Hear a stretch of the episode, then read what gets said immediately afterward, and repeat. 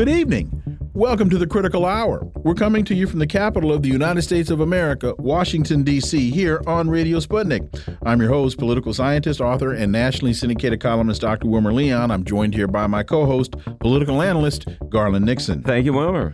For the next two hours, we will explore and analyze the salient news stories that are impacting the global village in which we live.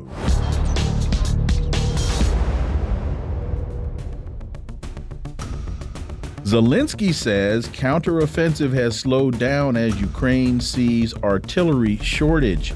Ukrainian President Zelensky, in an interview, said Ukraine's counteroffensive has slowed down due to difficulties on the battlefield and they are experiencing a shortage of artillery units. So, Garland, I guess uh, virtual artillery isn't as effective. Ain't what it used to be, I tell you that much. Okay, all right.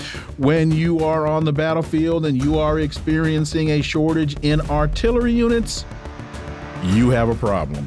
For insight into this, let's turn to our first guest, especially when it's an artillery battle. For insight, let's turn to our first guest. He's a Moscow based international relations and security analyst, Mark Sleboda. As always, Mark, welcome back. Dr. Leon Garland, thanks for having me. It's always an honor and a pleasure to be on the critical hour.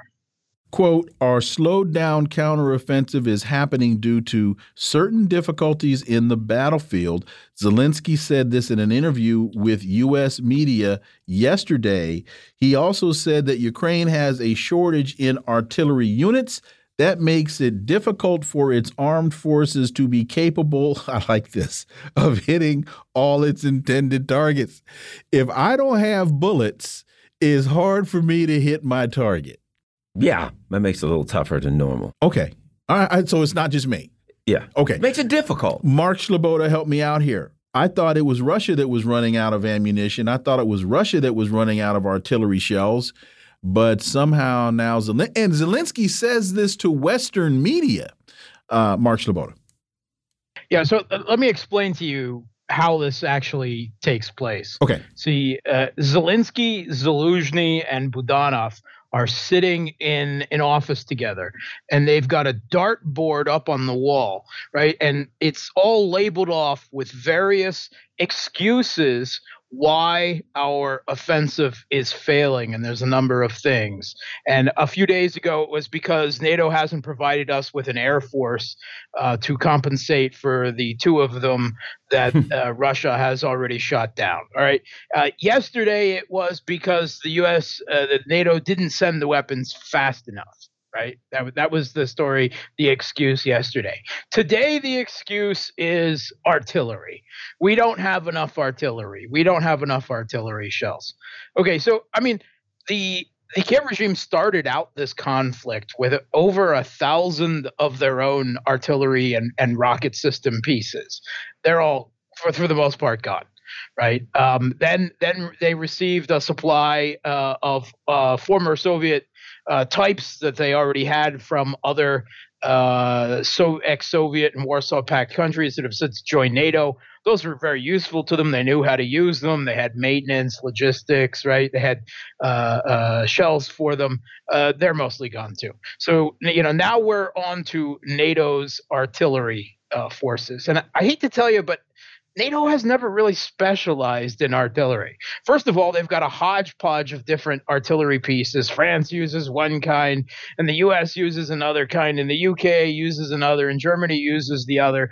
And they all supposedly use 155 millimeter shells, but it turns out they all use different 155 millimeter shells that aren't uh, uh, compatible with each other. Uh, so real, real, uh, you know, operational uh, problems there, and they simply don't have enough of them. We have multiple NATO countries that have had their own armies stripped bare of every howitzer they had uh, in, including uh, the Baltics, uh, one of the Baltics countries, uh, Denmark, the United Kingdom. They gave everything they had, right? It's not enough because Russia has a lot of artillery. They're an artillery heavy army. They've been preparing for a land war in Eurasia since World War II, uh, where they specialized in artillery. That's what they do. Um, and this is a, a, war of attrition. Everyone agreed that more than a year ago by now. And the dominant weapon is artillery. And most casualties uh, at least you know from the statistics we've seen on the Kiev regime side, some 90% come from artillery. Um, and they have had an artillery shortage this entire conflict compared to Russia. Now it's being admitted. Zaluzhny, the Kiev regime's top general, admitted in an interview to the Western press that it's like fighting with bows and arrows, the military and technological mismatch, uh, and that they are at a 10 to 1 artillery disadvantage. 10 to 1. Uh, yeah, yeah, it's it's a bad situation. They never should have started an offensive in the first place. They also don't have an air force. Russia has complete air superiority over the combat line, which is why Ka-52 uh, Alligator uh, helicopter gunships are able to patrol over the battlefield. They also have a shortage of tanks. Uh, they don't have enough tanks. The handful of, of uh, you know prestige Western modern main battle tanks uh, aren't enough, and they've proven uh, no more invulnerable to Russian weapons than any other tank that they've been using. They don't have enough demining vehicles. That is huge, considering that they have to go through five echelon layers of Russian defense with complex minefields to meet their goals for this, and they haven't even reached the first defensive line yet. They don't have enough of really anything. I, they had enough APCs and infantry fighting vehicles. Okay, they got enough Bradleys and Strykers and Marders. That they did get, uh, but uh, they've already lost so many of them that, that, that NATO now has to rapidly ship supplies to them. They sh- never should have launched this offensive in the first place. And no amount of shorter time or or uh, you know a few hundred more artillery pieces or a few dozen more uh, F-16s or any of that would have made any difference. Their entire military industrial capacity has been destroyed last year, and they are entirely reliant on a hodgepodge of NATO equipment filtered through a Ukrainian military that doesn't know how to use it, can't maintain it, can't repair it, uh, and uh, given to largely untrained soldiers who have a few weeks of NATO training uh, from uh, NATO forces that speak different languages. Um, the conscripts are largely people forcibly conscripted off the streets. They're not professional military. And it never should have been allowed to be launched in the first place. Garland, th there's a problem, though, with Mark's uh, dartboard um, analogy because one of the things that's not printed here, but I know was said, was they don't have artillery and they don't have darts. Uh, exactly. They, well, ran, they ran out of darts. Well, and, and here's the thing. About, you would think that was an analogy. you know, the sad truth about the Biden people and these neocons is this, but there's still plenty of Ukrainians left to die. And as long as there's still plenty of Ukrainians left to die, these neocons don't care. They're not, they don't care if they're well armed. They're not there to defend democracy. They're not there to fight. They're cannon fodder. They're there to die for the neocon project. And unfortunately for them, they're really good at that. Run, I mean, you kidnap somebody, stick them in a Bradley, and say, the minefield's this way, put that Bradley in gear. You know how that's going to end. It's not like these neocons have any concern for the Ukrainians or their long term existence, Mark. The, the, before you respond, Mark, the people of Taiwan should really be paying attention right now. How about that? Because they're next. They should.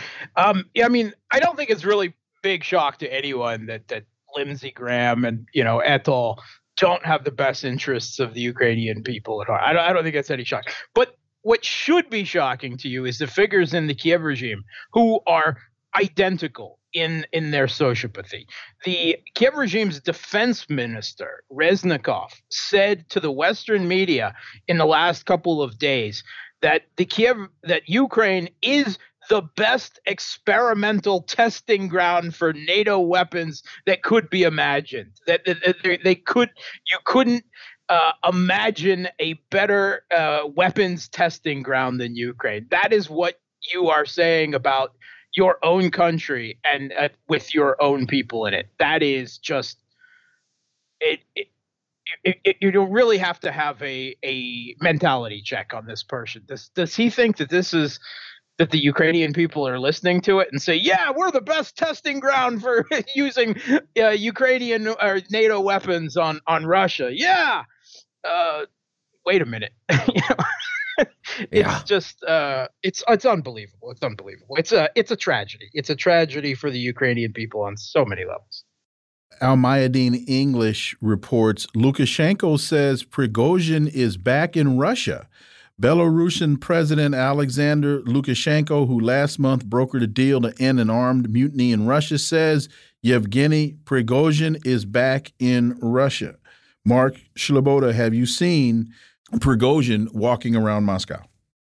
Yeah, I had lunch with him yesterday. So oh, you know, yeah. we sat down and we hashed this out. No, Some kvass, had a little kvass. Uh, yeah, yeah, yeah, yeah, yeah. I mean, Russia's actually kind of a big country with a lot of people. So no, I did not run into him. yeah, evidently he's actually spent more time since this whole affair in Russia than he has in, in Belarus. He's been in St. Petersburg. The reports he's been in Moscow.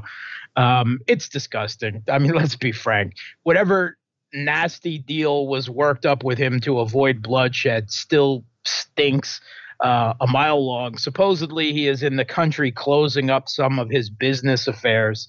Um, he is. Um, we do know that his media empire. Uh, he had a small media empire has been shut down, and most of the employees just told to go home. And there's no word whether they're even going to get any type of severance or anything like that. Um, but uh, it appears that most of his and his big uh, uh, military. Um, he provided rations for the Russian military, um, uh, huge contracts with that. Um, that might actually lead to some logistical problems for the Russian military as they attempt to rapidly replace that, because that's not going to be. Prigozhin's business empire in Russia is being shut down, but it seems like he's being allowed to walk out with most of it. Most of his um, uh, mansion and his other residences and offices were uh, immediately um, stormed, you know, in raids by the uh, Russian uh, FSB, you know, the uh, domestic equivalent of the FBI, as soon as you know the uh, mutiny started, uh, they seized large amounts of cash and money and everything else. Evidently, most of that has been given back to him. He's complaining that some of it was stolen, and laughably, he made comments to the Russian press that he intends to um, uh, sue the the authorities over this after after the man just tried to lead a a badly failed, uh, you know, mutiny march on, on a, a armed force of, of a mercenary company on Moscow. The man's ego knows no bounds. I think it's disgusting uh, that he's allowed to parade around the country and speak to the media like this. I think it actually does make the government look weak uh, or make everyone suspect that there's some kind of 5D chess uh, you know, psyop all being played here, which I do not think is the case. I want to be clear. They actually, uh, Russian media released photos and video from uh, a tour of his uh, mansion uh, that they that the uh, FSB went through. Um, actually not all that. I, I, think he really needed an interior decorator, to be honest. Uh, but included among it was a giant mock up of a sledgehammer uh, with the inscription uh, uh to be used in case of uh, serious negotiations, a, a reference to myths that, that Wagner was beating uh, turncoats to to death, which it doesn't appear that it was ever uh, seriously true. Um, and uh, he also had a, a closet full of male wigs, which is fascinating. And there were photos of him bizarrely dressed up Halloween style as various African leaders, including one that I think was supposed to be Gaddafi. So, uh, really, some bizarre thing. The, the, the man was uh, an eccentric egomaniac and I just hurry. It, you know, it, the whole thing stinks, and I hope that he is out of Russia soon, because if not, some extremely angry military member who might have lost a friend or a family member, you know, the, the dozen or so airmen that were killed might just decide to uh, uh, take justice into their own hands if, if the Kremlin made some type of dirty deal to avoid bloodshed. So this is a true story. This is not an Elvis sighting and he is somewhere in no. Russia. Okay. Yes, yes, yeah. Okay. It's definitely a true story. Okay. Mark Sleboda, as always, thank you so much for your time. Greatly, greatly appreciate that analysis. We look forward to having you back. Thanks for having me. Folks, you're listening to the Critical Hour on Radio Sputnik. I'm Wilmer Leon. I'm joined here by my co host, Garland Nixon. There's more on the other side. Stay tuned.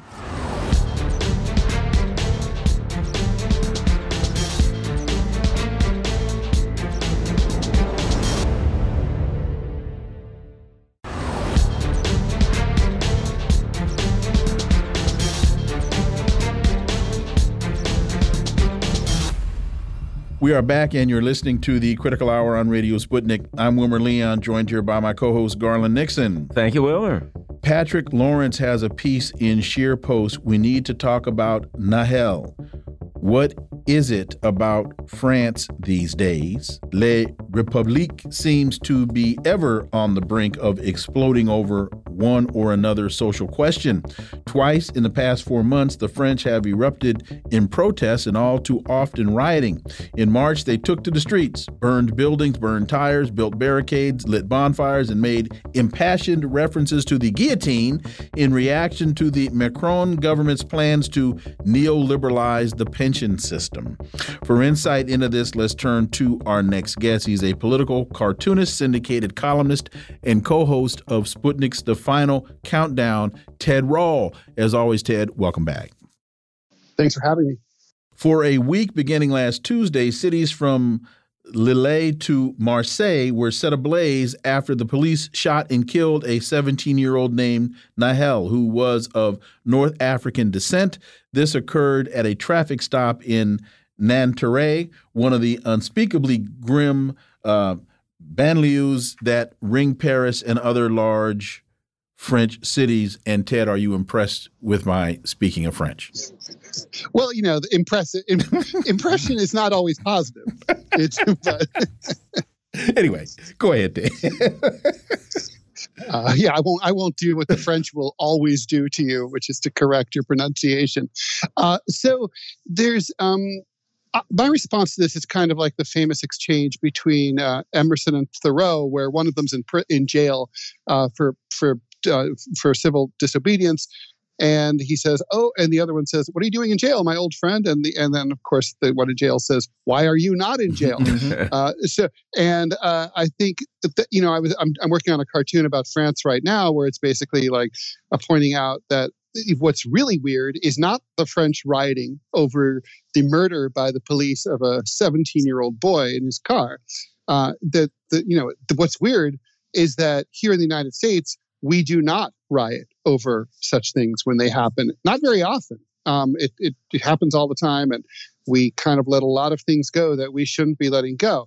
Uh, I, what's going on in France is, of course, kind of a combination of things, um, and you can kind of tease out the situation with Nahel is not is kind of the culmination of uh, the relationship between the the uh, local between local populations, particularly in these banlieues in these suburbs that are uh, kind of not like the kind of American like you know white picket fence, green lawn kind of suburbs. Um, it would be better to th- think of a place like the Bronx. Maybe is a good comparison. Um, kind of like that. It's kind of like more urban. Uh, or it's not suburban really. It's just that it's outside the city, the, the main city lines. And there, uh, in, there's a, a national police force called the Police Nationale that was established by Vichy uh, during the Nazi occupation under the regime of Nazi collaborator Philippe Pétain he personally established the Police Nationale in 1941 under Nazi occupation. So this is quite literally a, a Nazi invention. Um, and it sort of supplants and overlays all the local police called, which are like the gendarmes. Now, the gendarmes are like local cops, like you know your local cop in say Alexandria, Virginia, or whatever. Um, this and they are certainly capable of abuse of civilians. But the relationship that the national police has is kind of like the goon squads of the nation state. They go everywhere in the country. They constantly badger people. We would call it stop and frisk. They set up checkpoints, demand IDs. They always target uh, people of color, in particular, Africans, uh, particularly Arabs these are, and of course, in France, the vast majority of people of color uh, are in France because of France's colonial past, right? So France had uh, was was the colonial master of much of the Middle East, Africa, the Pacific. They they still have uh, some some colonies in places like the Caribbean and in the Pacific, um, and so those people came to France. Uh, either legally or illegally, and it's complicated because some of them eventually, uh, if their parents may not have come legally. They became citizens through various ways, but many never did. Uh, they don't have birthright c- citizenship, so they uh, you can you could literally be fourth generation French and still be considered an illegal immigrant. And I mean, literally, like you could come from a country that doesn't even exist anymore, uh, is not a UN member state. So you can't you can't even quote unquote go back. You're just stateless. And um, so it's a sort of permanent underclass uh, that is uh, as if the economic circumstances weren't bleak enough. That you're also the you're also uh, being victimized by uh, sort of a pervasive French mentality. It's a certain kind of racism. Um, French exceptionalism, basically, where France considers itself culturally to be a white Catholic uh, country. And everybody who is not white and Catholic is immediately an outsider. They're expected to assimilate fully, speak fluent French, stop speaking the mother tongue, uh, become completely just a, uh, uh, a a fully French person. You're even expected when you're nationalized to become uh, when you sorry when you're uh, naturalized to become a French citizen. If you have a non-French sounding name, you're supposed to change it legally to a French sounding name. Um, my, uh, I, my, I'm French, and when I got married, my wife had to change her name to a French sounding name, or they would not have approved the citizenship. But that doesn't mean that once you've done all these things and jumped through these hoops, that these white Catholic, conservative Catholic types always think of you as fully French. They don't. So they view. So they put you in this these terrible neighborhoods. You, you're with high unemployment um, constantly being harassed by the police.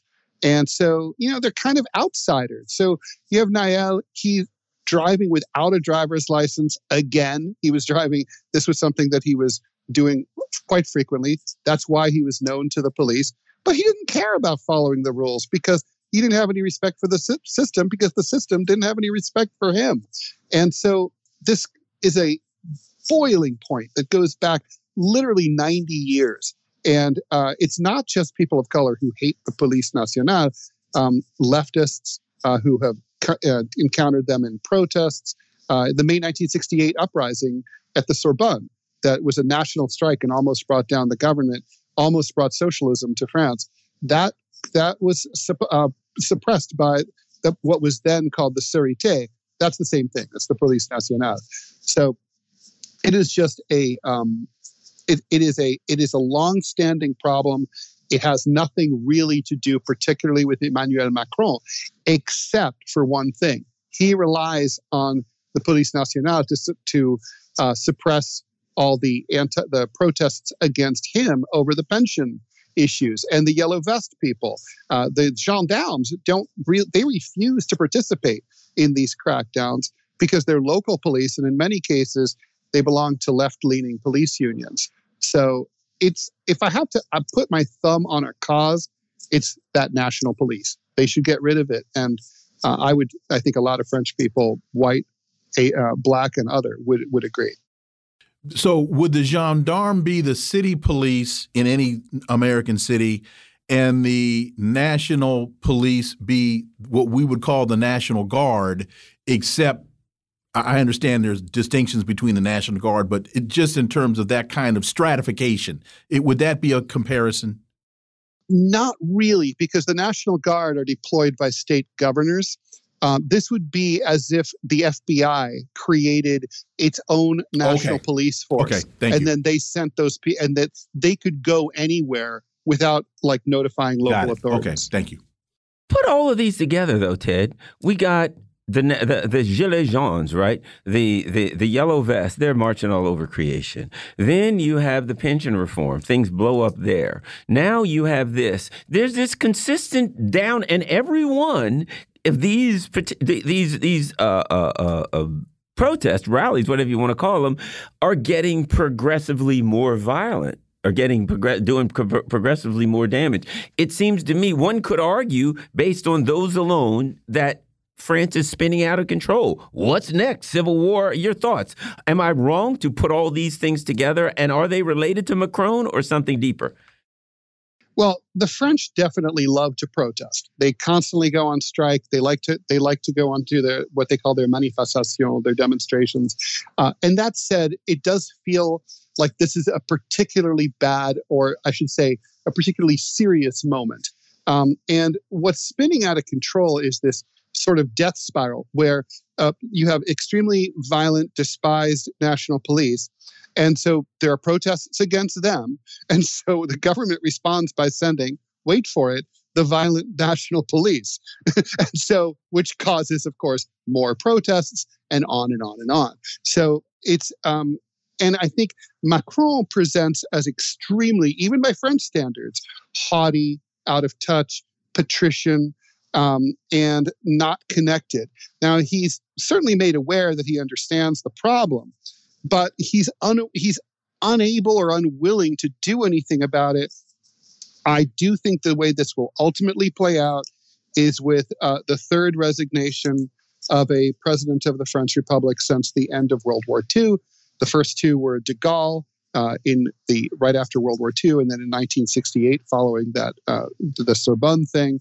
Uh, and I think you're going to see Macron will be gone by the end of this year, I, I, if not sooner. Um, he he will resign um, and step aside. The problem is that he doesn't have really he has kind of his own personal political party.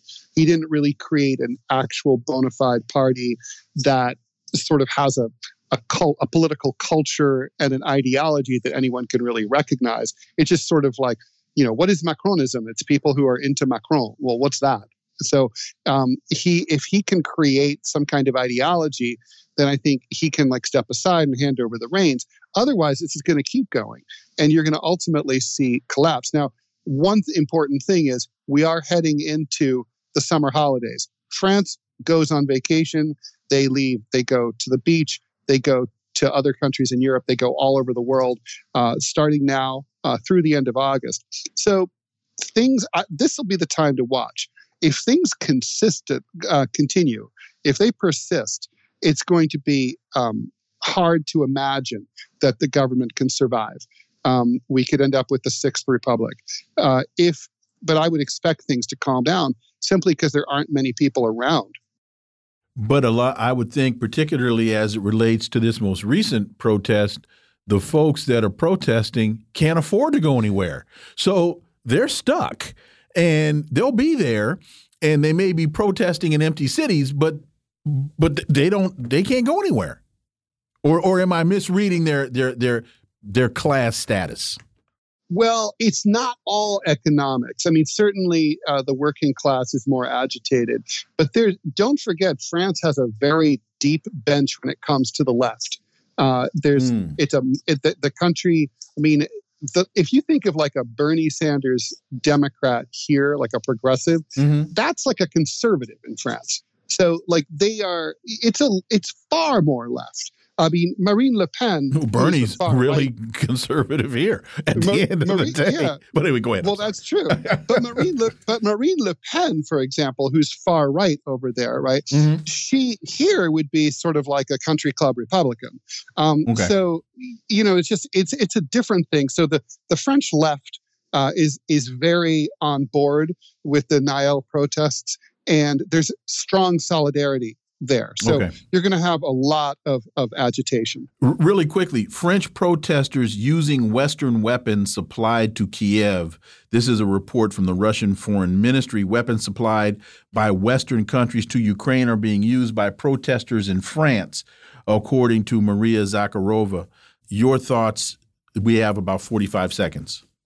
Well, there's always it's always hard to trace weapons, right? Mm -hmm. I mean, mm-hmm. certainly weapons uh, they they're fungible. Uh, they especially when they go into a country with uh, incredible corruption like Ukraine, you just never know where they're going to turn up. Thank you as always, Ted Rall. We really appreciate it. Look forward to having you back. Thank you so much. Folks, you're listening to the Critical Hour on Radio Sputnik. I'm Wilmer Leon. I'm joined here by my co host, Garland Nixon. There's more on the other side. Stay tuned.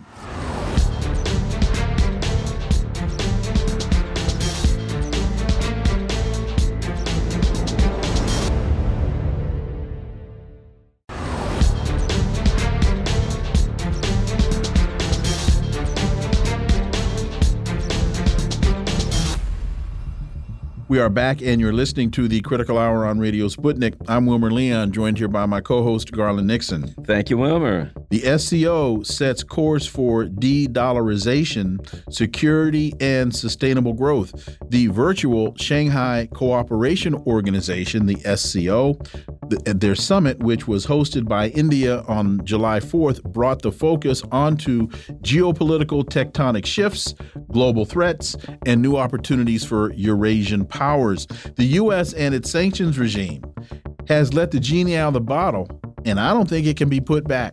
For insight into this, let's turn to our next guest. He's an associate professor of economics at the University of Missouri Kansas City.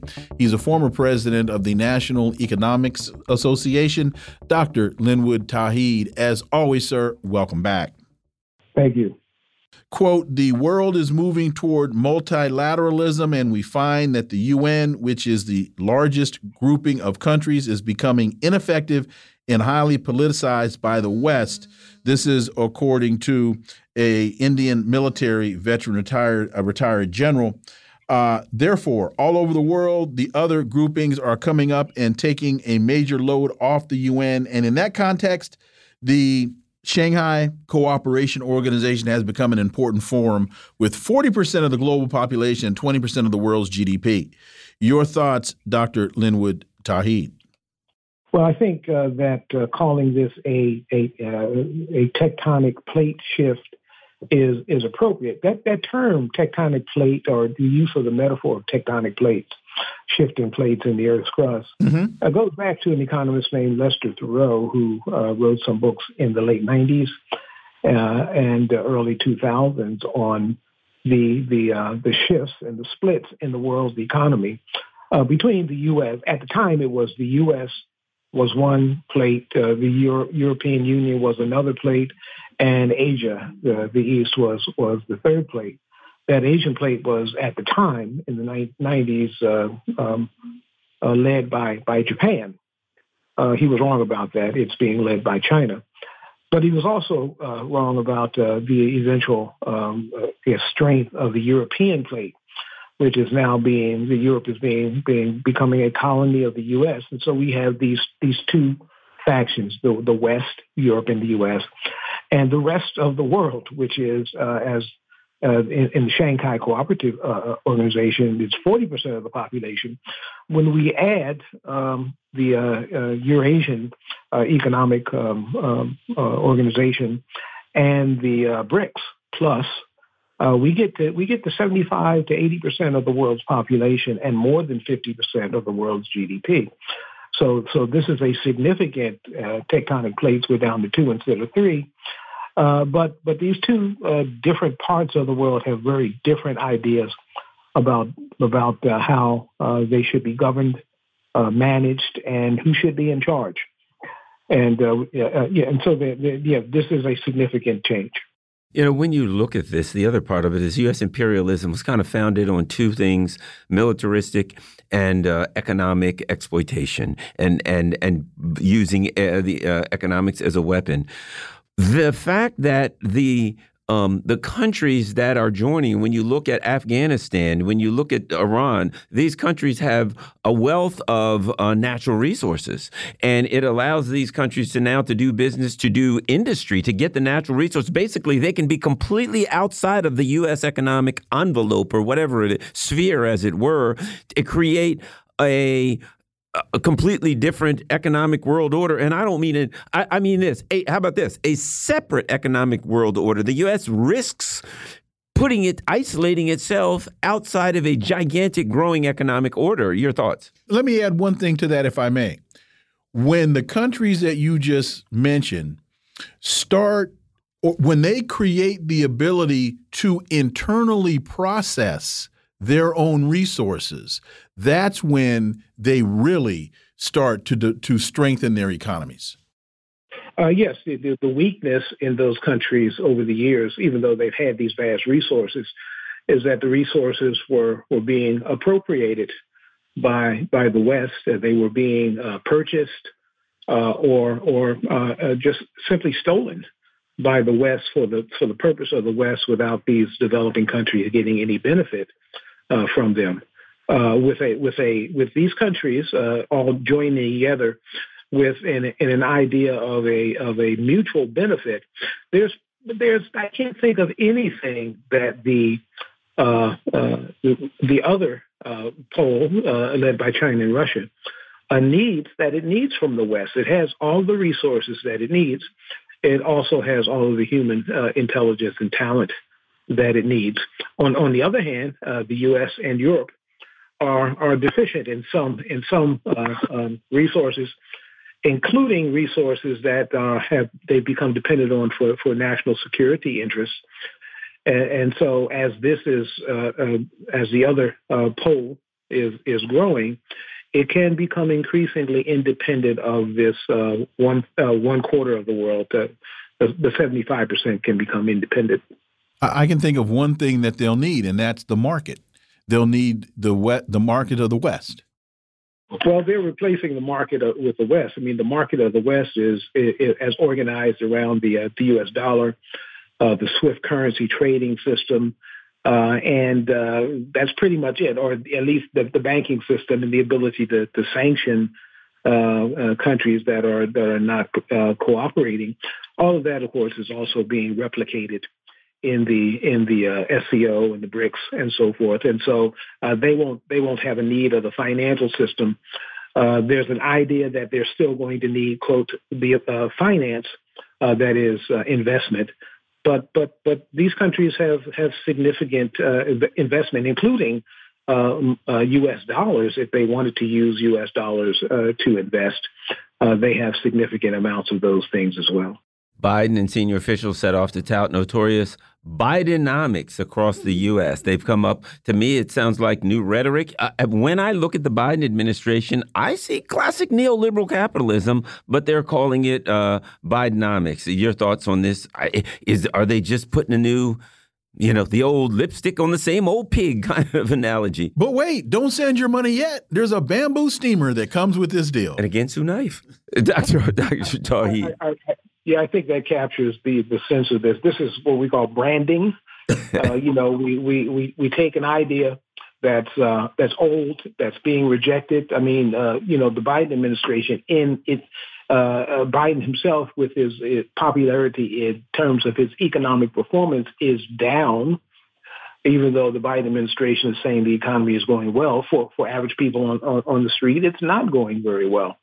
Uh, it, it, it's not even going right now. It's not even going well for Wall Street, but that's the intention that uh, if the Biden administration can talk up uh, economics, it can camouflage the fact that, that most of its policies are trickling up instead of trickling down. And, and so I guess that we should call the Bidenomics trickle up economics uh, as opposed to Reagan trickle down economics, which of course never trickled down. If he had gotten his uh, student loan debt thing uh, through that would have been trickle up. Go ahead.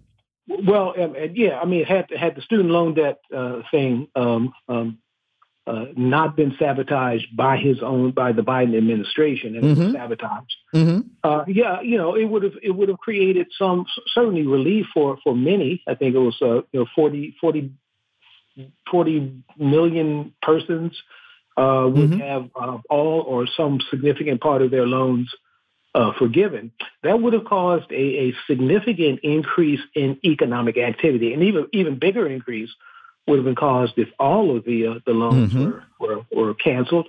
Uh, but but they that didn't get through because of weaknesses in the in the way it was implemented that did not have to be implemented that way. And so it was a foregone conclusion that the Supreme Court was going to knock it down. Biden can say he tried. I guess that's Bidenomics. Uh, and I'll add this the fact is that it's there's a very good possibility one might even argue a probability that the US will be in officially be in um, recession by the time we get to the 2024 election this Bidenomics thing ain't to work out real well because his opponents will then use that and say, this is Bidenomics. You're in recession, Dr. Tauheed. Well, what Biden is going to have to do, I mean, seeing that as a distinct possibility, is is going to uh, have to change the narrative so that he can say that Bidenomics would have succeeded except for the Republicans. Uh, the problem is that that Biden is also tied to a bipartisan vision, uh, and and the idea that if the economy fails, it's it's not just not the Republicans' fault; it's also the Democrats' fault. So it's not only Biden who's going to have to take the the the, hit uh, for the problems with the economy is going to be the Democratic Party in general. Uh, the president, of course, is the leader of that party, and uh, he sets the, the stage and the vision. Uh, Bidenomics is just branding. It's really not creating any economic um, outcomes. So he's touting his clean energy manufacturing, and he's also he's got Kamala Harris out there promoting the benefits of the infrastructure law, the the investment that the administration is making in improving uh, infrastructure such as telecom and and uh, high um, high high speed data. Is that as significant as they are trying to make it out to be? Well, it's it's an important uh, part of building an economy to to, to have infrastructure. Uh, the bipartisan infrastructure bill, bipartisan, uh, if I remember, was about 1.2 trillion dollars. That was to build roads and bridges. Those things are important. The other 1.2 trillion dollars that didn't get passed was what we were calling the social infrastructure bill, the things that would have would have lifted people out of poverty. Uh, those parts didn't get passed. They didn't get support. They weren't supported by Nancy Pelosi uh, at the time. They weren't supported by Biden. And so the only thing that Biden can tout are the things that are in the bipartisan bill and the Republicans can take as much credit for that as as as, as Biden can. And so uh, I, I, expect the Republicans to take credit for for what they've been able to pass with Biden. In fact, they, they may say it was their idea. Anything that happens uh, in terms of inflation or coming recession is simply going to be Biden has owned it by by giving it his own name. Quick question. So he's talking about the strength of the American economy. He gave a speech and he alleged that the U.S. had the highest economic growth among the world's leading economies since the pandemic. Is the United States economy growing faster than China's? Well, well, but see, this is a this is what we call a statistical artifact. Uh, unemployment went to 20 million uh, during the pandemic and it quickly recovered because of social spending. Now, uh, unbeknownst to Biden, Donald Trump was the president of the United States when when when uh, when when the pandemic initiated, and he was the one who uh, initiated that social spending that eventually brought the economy back up very quickly. But it, but the anomaly is uh, you have a sharp drop, you have a sharp increase. That sharp increase doesn't last forever.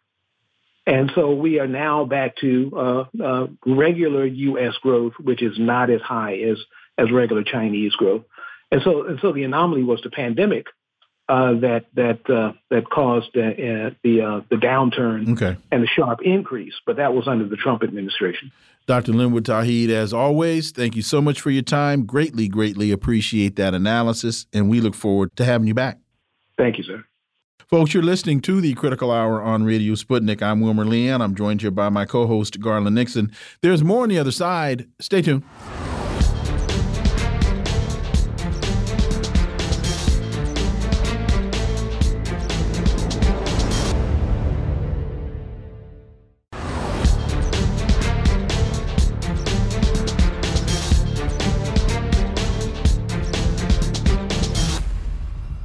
We are back, and you're listening to the Critical Hour on Radio Sputnik. I'm Wilmer Leon, joined here by my co host, Garland Nixon. Thank you, Wilmer. RT reports South Sudan to hold first election since independence.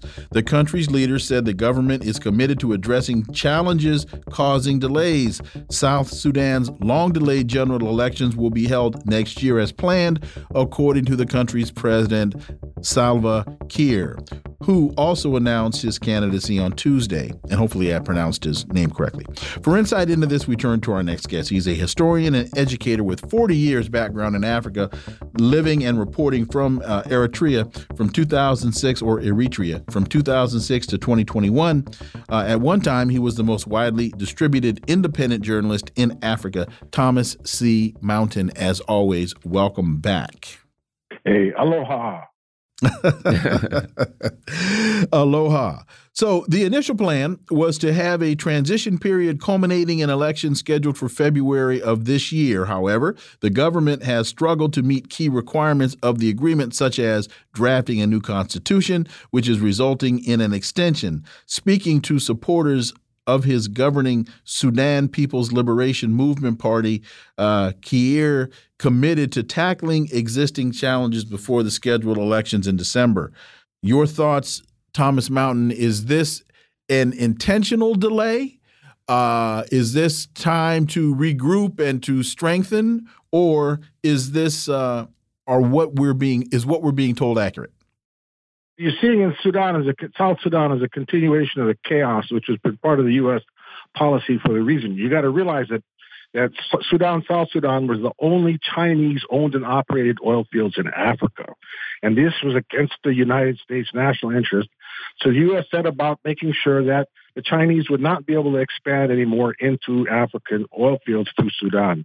So you know, this all started back in well 2003. The Eritreans in support of the Eastern Sudan rebellion, uh, cut the Port Sudan highway lifeline to cut, and forced the Bashir regime to negotiate with John Garang, who is known as the father of South Sudanese independence. John Garang uh, was actually against South Sudanese independence. This, this, uh, that's the, the, the ironic thing that he believed that you know Sudan, which was then still the largest country in Africa, should have just one be one people with equal rights and justice for all. And he said this in a big John Garang said this in a big speech in 2005 after he signed the peace deal with uh, the, with Bashir. Uh, and said that you know we're going to be independent for in foreign policy and we're going to work with China. Well, within two weeks he was dead. And fast forward to 2011, you've got an independence deal being signed, uh, independence being declared and shortly after that, a civil, so-called civil war breaks out. Now, to understand the civil war, you got to understand that the U.S. does not want Chinese developing, getting more of a foothold in African energy. Um, they, you know, determined to see that uh, that was not going to happen in Sudan. They're only owned and operated oil fields in the, in Africa, so they started funding a guerrilla war against the South Sudanese government. Now, for all these seven, I don't know, seven, eight, nine years, this guerrilla war raged. And, um, you know, the, the South Sudanese government headed by Salva Kiir had, you know, ex, they, they had income coming in from the oil fields and, and international aid, but the rebels had no visible means of support. And they had an army of 20,000 or more that were getting paid $300 a month. So you're talking about $10 million a month for, what, six or seven years? Where did this money come from? And the only place it could have come from was the one party that didn't want to see a stable South Sudan where the Chinese could develop their oil industry. That was the CIA. So this was a CIA dirty war. And I, I wrote about this. Uh, it's called the Brief History of the uh, South Sudan. Excuse me, the brief history of the CIA's dirty war in South Sudan. So you know this this so today this is a continuation of all that. This there's been upgrade and destabilization. When the TPLF was thrown out of power in 2018, there was a, you know, the the money pipeline from the CIA was cut off. So, uh, but you know, the CIA has rebuilt their focus and they're continuing to destabilize the South Sudan. Of course, the uh, both the two parties, Riek Machar, who is the one big uh, ethnic group, and and Salva Kiir from the next, the biggest ethnic group, have been fighting it out and uh, you know, this uh, so this election, I, you know, it's just part of the chaos that's ongoing, and uh, there's the huge corruption problems, and and uh, you know, with especially now with the war fight being waged in uh, in Sudan itself, it, you know, the whole region right there is destabilized. So. Uh, you know, I don't know when they're going to hold elections, or you know, what's the point? Because how are you going to hold elections when much of your countryside is engaged in a civil war? Even I'm talking about South Sudan today. Wow. So, um, what do you think? You know, uh, um, what's the relationship with South Sudan? You know, it's bordering with, uh, you know, uh, Ethiopia. It's bordering with, of course, Sudan, Uganda. It's a, it's kind of a central place. Not on the Red Sea, but it is kind of central to a lot of important countries. What do you think? What's the relationship with Sudan, with Ethiopia, Eritrea, the uh, countries around it, and it's and what is its particular significance, being that it's not on the Red Sea? For a while there was a lot of talk about all this oil in South Sudan, but it's, it's actually the oil fields there are on the border with Ethiopia, uh, and there's really not that big. I mean, maybe three billion or four billion, you know, maybe maybe less than ten years of oil. So, you know, that was a big push. Everybody was saying, "Oh, there's all this oil," but no, you know, that really hasn't been working out. It turns out there's probably more oil in Uganda. So uh, that's why the Western companies are building a pipeline from Uganda through Tanzania. But, you know, South, South Sudan, having peace in South Sudan is like, is necessary because from there, all these destabilizing elements, who knows that, you know, can spread out into other areas and to our neighbors and destabilize the whole region. That's why the CIA wants to keep it destabilized because right now things have been, the CIA, the U.S. has been losing control of the Horn of Africa and they don't want any, you know, stable nationalist governments in power. Um, you know, which kind of segues into the next point is why is the U.S. bombing people in Somalia? Because they don't want Somalia to be, you know, stable and and uh, nationalist and independent. So, you know, peace in South Sudan is critical. Eritrea has played a very leading role in all of this. But at this point, with the war raging in Sudan itself and and even the situation in Ethiopia not being the most stable, you know, it's like uh, it's just another headache that I don't know how they're going to solve the problem. Well, maybe quote unquote a solution to the problem is not what they're really after. Ongoing instability uh, for them may be uh, the, the, the rule of the day. Uh, Ethiopia's upper house approves new regional state creation. Voters in part of the ethnically diverse southern nations, nationalities, and peoples region overwhelmingly supported carving out their own state in a referendum in February the creation of South Ethiopia region, the third new state created since uh, Prime Minister Abiy Ahmed came to power in 2018, was approved with a unanimous vote by the upper house. What does all of this mean? Thomas Mountain. Ethiopia is trying to rebuild their country after what almost 30 years of of uh, Tigray People's Liberation Front, the CIA proxy uh, gangster regime that was, you know, basically ruling Ethiopia for all those years from 1991 up until just really last year. They're continuing to terrorize Ethiopia. So, you know, Abiy Ahmed has got his hands full trying to rebuild a country that the system was set up and designed to keep one small ethnic group in power in throughout the country. You know, and a divided rule, they provoke ethnic hatred uh, you know, to divide the country up into little ethnic warring groups so that the one the, one smallest ethnic group could run the whole country. That was the Tigray People's Liberation Front. So Abiy Ahmed's trying to keep his promises that he, he made when he was elected. And uh, you know, it's it's popular. The people want this, and I think it's a step forward. Um, there's a lot of destabilization from outside being thrown at, you know, waged against Abiy Ahmed. He, you know, these government's been making mistakes. I've been critical about that, but you know, he's still the best hope for Ethiopia, and he's still fighting to keep his promises. And so this is that one of those promises that he's keeping, and it's clearly very, you know, the people want this. BFTOnline.com reports Africa China 2.0 series with Paul Frimpong. Why China became the preferred partner for Africa. The interesting thing, I never thought about it, is they talk about the timing. Um, what is making the relationship between China and Africa go, grow positively can be linked to when China showed up at the continent's lowest point. Your thoughts, Thomas? Well, you know, uh, there's been a lot of talk about Chinese investments in Africa, but it's actually fallen off the last four or five years dramatically. Just the fact that that a few billion dollars promised to Eritrea, looking like the biggest Chinese you know support for Africa this coming year to, I think is pretty significant. I mean, the Chinese had promised a a big uh, natural gas pipeline from the Ogaden in Ethiopia to Djibouti, and that was all dropped. You know, the Chinese have, have been kind of backing off their investments. Now, China, you know, their involvement in Africa uh, goes actually way back. I mean, the, uh, under Mao Zedong, the Chinese built a railroad, you know, to try to help break the the blockade that apartheid South Africa had over, you know, Eastern Africa. And uh, so, you know, China has been involved in Africa in a very principled way for a long time.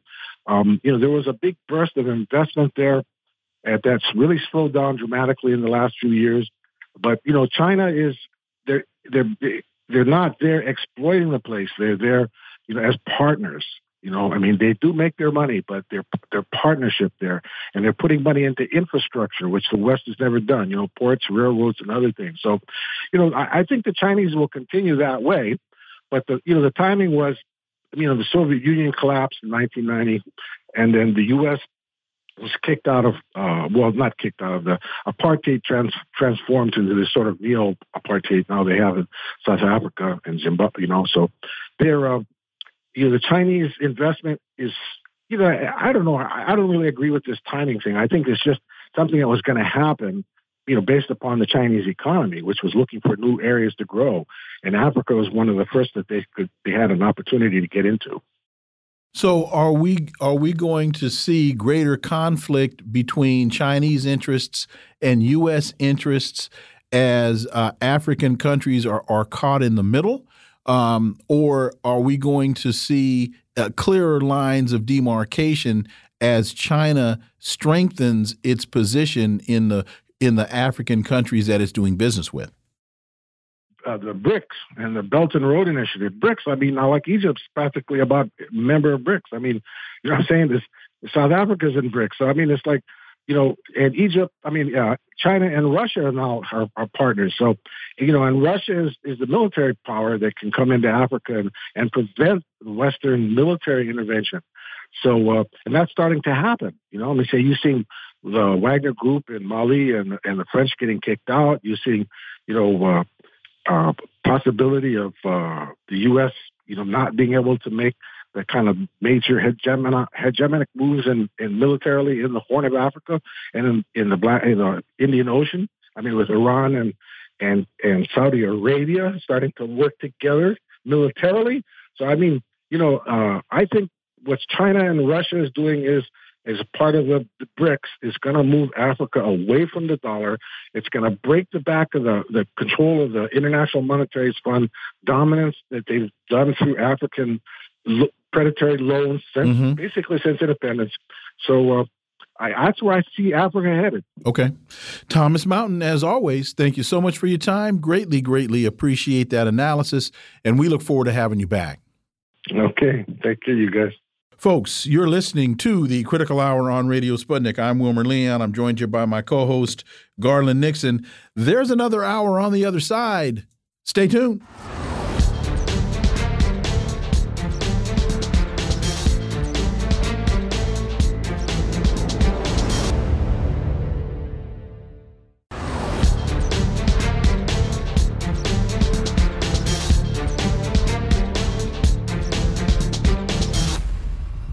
We are back, and you are listening to the Critical Hour on Radio Sputnik. I'm Wilmer Leon, joined here by my co host, Garland Nixon. Thank you, Wilmer. U.S. drones in Syria's airspace. Russia reveals 14 U.S. violations. The deputy head of the Russian Center for the Reconciliation of Warring Parties in Syria reveals that the so called International Anti Terrorist Coalition, led by the U.S., continues to commit violations of the uh, deconfliction situation protocols and the bilateral memorandum of flight safety in Syria. For insight into this, we turn to our next guest. He's an award winning journalist, analyst, and writer based in Beirut, Lebanon, Laith Marouf. As always, Laith, welcome back. Thank you for having me. So, joint Russian Syrian Air Force and air defense exercises began in Syria yesterday and will last six days. The deputy head of the Russian Center for Reconciliation in Syria, Olgay Gurinov, has was quoted as telling Russian news agencies in the course of the training, it is planned to work out the issues of joint actions and of aviation, air defense, and electronic warfare forces in the repulsion of airstrikes. Laith Marouf, how significant is this?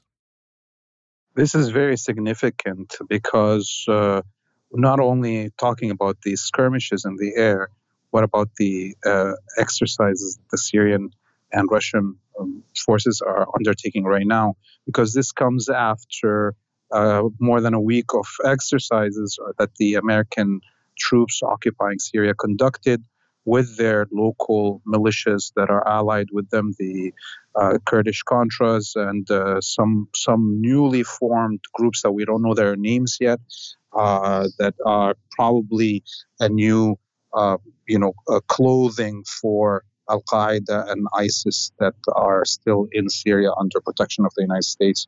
So to have Russia respond to these uh, and Syria respond to these American exercises with this, it means we are ready for um, a new stage of confrontation on the ground. Um, of course, this comes at the same time as Syria and Russia are pounding the death uh, Wahhabi death, death, squads in Idlib uh, with Turkish permission. It seems like so. As as soon as Idlib is liberated, uh, the Syrian government will concentrate its attention towards the areas that are occupied by the United States. And this is the prelude, as we see. Uh, probably the American um, drones will not be able to fly much over uh, occupied Syrian lands once Syria is uh, ready for the confrontation. And it's interesting. You read Voronov's statement came after a statement by the U.S. Air Force reported that Russian planes had engaged in unsafe and unprofessional behavior. And here's what they continue leave, to leave out The United States is involved in an illegal occupation of Syrian territory. Under international law, the Syrians have every right to shoot everything American down and to, and to blow their bases to smithereens. So the U.S. illegally occupying Syria, Russia invited by the sovereign government, the U.S. really legally has no say on anything that happens in Syria, and the only thing that they're required to do is get the heck out. Laith. Yeah, and and beyond that, this is like uh, you know very bold moves by the U.S. because these drones were not even flying over areas that the United States occupies. They were encouraging into areas that are government controlled. So, uh, and and if you watch this video of the Russian um, um, Air Force uh, zooming around this drone, it's clear that they could have shot it down if they wanted, especially the same way they shot down that uh, you know uh, Skyhawk over the Black Sea uh, using you know just uh, you know the pressure coming out of the nozzle of their jets, and so these are clear warnings to the Americans. They they could have shot it down if they wanted to and uh, they have the U.S. has to really uh, start behaving in Syria and think out of an exit plan uh, before things uh, get uh, much worse. The Cradle reports France seizes over 100 uh, million dollars in assets from Lebanon Cenbank chief. France's Court of Appeal has carried out asset seizure orders against the chief of Lebanon's central bank, Riyad Salameh, a source with the knowledge told the National, uh, coming as part of a board European of a broad European judicial investigation into Salameh, who is accused of embezzling millions from the central bank. Orders have been issued to seize 100 million in property and bank accounts. What's going on with this, Laith Marouf? So now it's been four years that we know that uh, Riyad Salameh, the uh, head of the Lebanese central bank, along with his uh, sister and uh, other members of his family, have smuggled hundreds of millions, if not billions of dollars. We even have numbers claiming around $4 billion stolen from the central bank by Salameh and his family. And uh, Switzerland, Germany, France all started uh, legal proceedings Years ago, uh, the Interpol attempted to even interview him. Prosecutors from France and Germany and Switzerland attempted to uh, interview him here in Lebanon, and he has uh, disappeared. Um, the Lebanese government claims that they don't know where he is to bring him to uh, have these investigations conducted or to appear in these court hearings. Now, of course, uh, Lebanon is is uh, kind of uh, screwed either way, whether he does uh, end up in jail or not, because as we see, France and other countries are going to just confiscate this money, like they did with the money of uh, Gaddafi and Saddam and other uh, officials that they deposed in the West. Um, and those money never go back to their uh, homelands. So this is, in a way, uh, yes, it is putting pressure on Salameh and his family, but it is also showing that the Western countries will use this excuse to pirate the money and uh, take it away. Uh, his sister, uh, by the way, Salameh's sister, is right now uh, arrested here in Lebanon. Um, and there is an investigation on the amounts of money that she herself also took on behalf of her brother.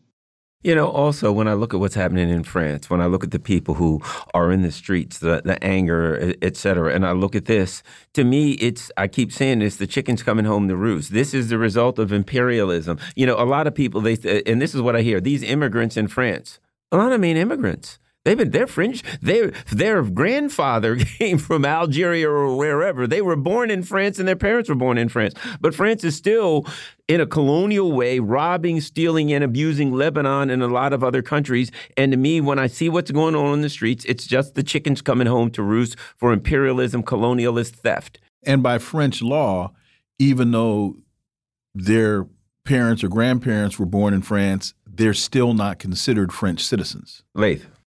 Yes, I mean, look, uh, uh, the for four years now, much of Lebanon wanted Salameh removed from his position. And it has been the American embassy here mm-hmm. that has been protecting him. Much uh, over and over, we've heard statements from the American ambassador here saying, and nobody can touch Salameh and he's under their protection.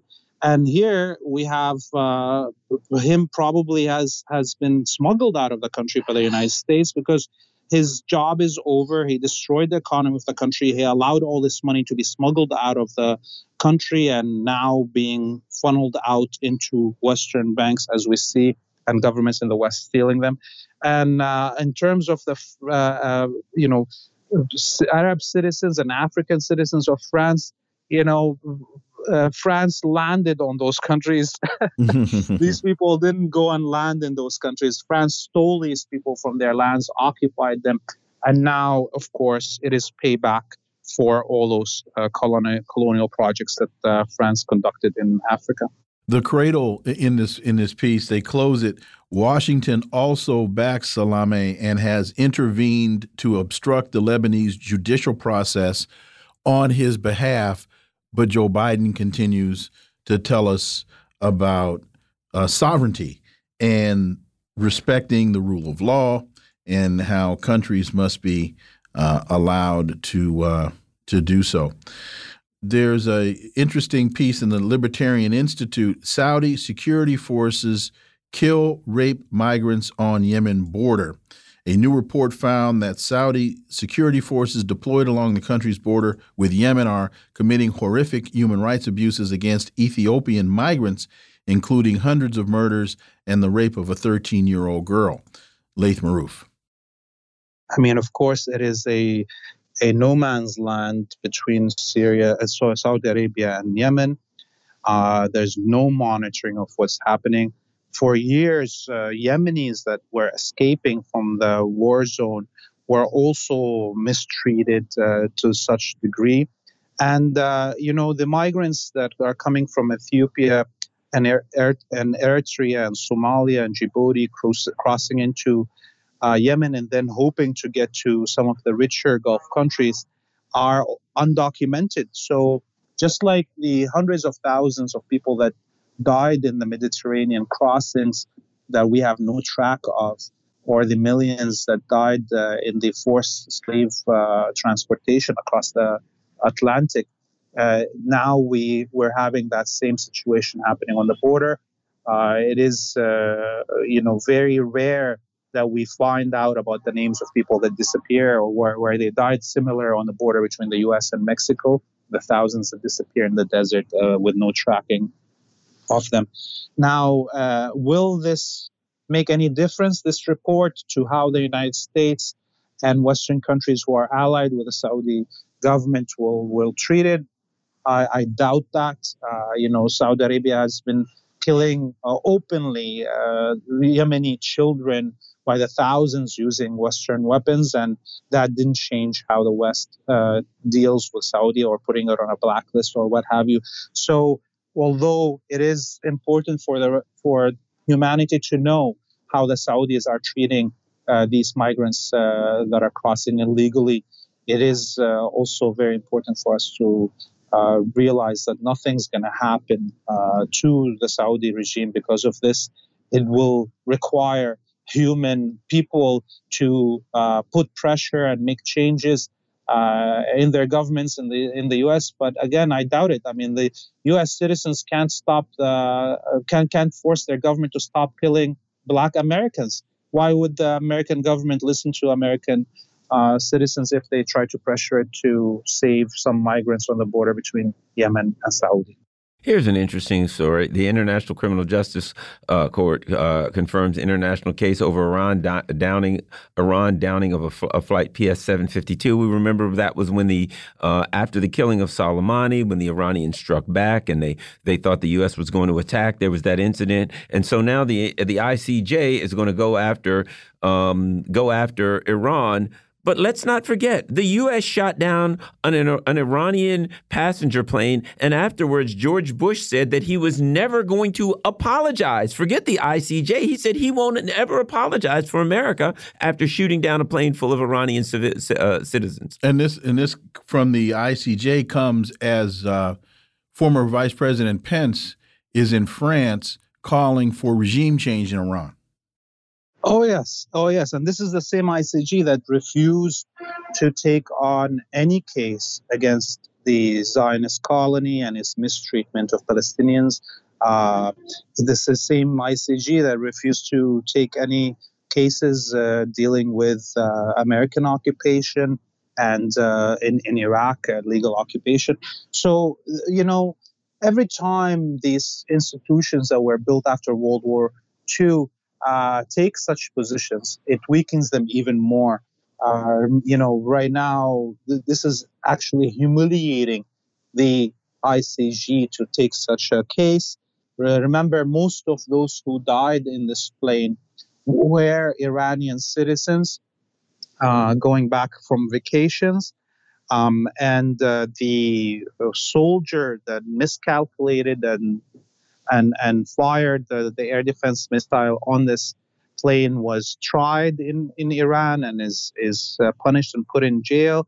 And Iran paid to all the families uh, that lost uh, m- members of their family in this uh, tragedy, paid them compensation. So Iran did everything it can mm-hmm. under the circumstances and of course, this is way beyond, as you mentioned, the United States did when it, fought, uh, you know, shot down an Iranian uh, civilian plane in the 1980s. Laith Marouf, as always, thank you so much for your time. We really appreciate that analysis, and we look forward to having you back. You have a great evening. You too. Thank you.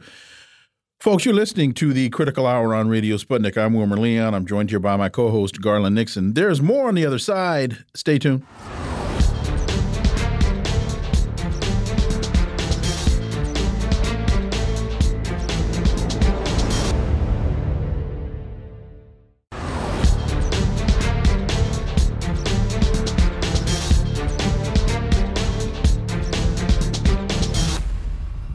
We are back, and you're listening to the Critical Hour on Radio Sputnik. I'm Wilmer Leon, joined here by my co host, Garland Nixon. Thank you, Wilmer. Popular Resistance has a piece entitled Frederick Douglass on the Meaning of July 4th to the Slave. I Must Mourn. On July 5th, 1852, Frederick Douglass gave his classic speech at Rochester, New York on the meaning of the 4th of July to the American slave. These words, spoken in 1852, are relevant to modern U.S. society mired in the legacies of slavery and racist brutality. For insight into this, we turn to our next guest. He holds the John J. and Rebecca Moores Chair of History and African American Studies at the University of Houston. He's one of the most prolific writers of our time. His latest book is entitled Revolting Capital Racism and Radicalism in Washington, D.C., 1900 to 2000. Dr. Gerald Horne. And as always, Dr. Horne, welcome back. Thank you for inviting me. I will read one short paragraph here from that speech. What to the American slave is your 4th of July? I answer, a day that reveals to him, more than all others of the year, the gross injustice and cruelty to which he is a constant victim. To him, your celebration is a sham, your boasted liberty and unholy license, your national greatness swelling vanity, your sounds of rejoicing are empty and heartless, your denunciation of tyrants brass uh, fronted imp impudence, your shouts of liberty with and equality, hollow mockery, your prayers and hymns, your sermons and thanksgivings, with all your religious parade and solemnity, are to him mere bombast, fraud, deception, impiety, and hypocrisy, a thin veil to cover up crimes that would disgrace a nation of savages. And I thought that was the response to the Supreme Court's decision uh, regarding admissions to colleges, Dr. Gerald Horne? Well, certainly your point is well taken. But I should also point out that the U.S. national holiday, July 4th, marking the Declaration of Independence from London, is increasingly being seen, as Frederick Douglass uh, pointed out in 1852. Uh, that is to say, that the slave owners led by George Washington, Thomas Jefferson, James Madison, Patrick Henry, they revolted against London, not least because in 1772, in Somerset's case, uh, London had moved to abolish slavery in England itself, and there was a real fear that that decision would leapfrog the Atlantic. An adjunct to that point of view is that Britain, which was seeking to corral a far flung empire, that at that point included not only the Caribbean, but also the jewel in the crown, speaking of what was called British India, they were relying more heavily upon black men in arms. And they were also dispatched to the 13 colonies in North America. And up until quite recently, the idea of Negroes with guns sent a frisson of, ap- of apprehension down the spines of many of these settlers. And then there's the question of land.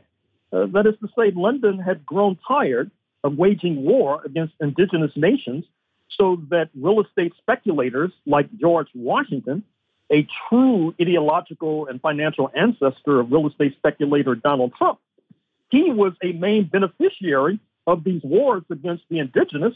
And when London expressed reluctance to continue that practice, Washington felt he had no alternative uh, but to revolt. Now, this point of view is increasingly being accepted, which is one of the reasons why you've had a hysterical reaction to historians, not only by Donald J. Trump, who appointed the 1776 commission in the waning days of his administration to rebut these credible allegations, but also uh, Governor DeSantis of Florida, his major competitor, who has teachers in Florida in a state of panic about teaching about slavery and teaching about the true history of the United States of America.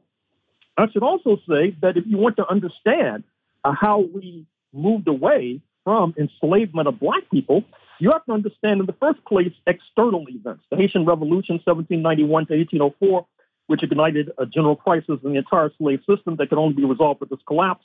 And then the Bolshevik Revolution of 1917, which let loose forces that led to the erosion of Jim Crow by the 1950s. Unfortunately, uh, this kind of outlook is not necessarily the outlook of many in the black leadership who are left to puzzle and wonder as to why affirmative action is under attack.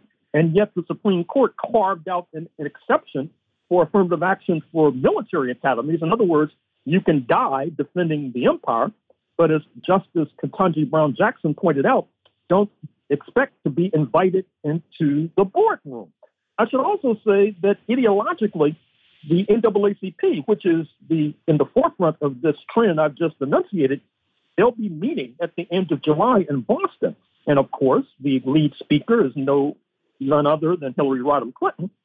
But until the NAACP comes to recognize that as a result of the bargains that were brokered to erode Jim Crow in the 1950s, whereby the liberals, led by the NAACP, were forced to not have allies to their left while the conservatives and reactionaries see no antagonists to their right. That is the essence and nub of the problem. And until they grasp that nettle, I'm afraid to say that we'll be going down slow.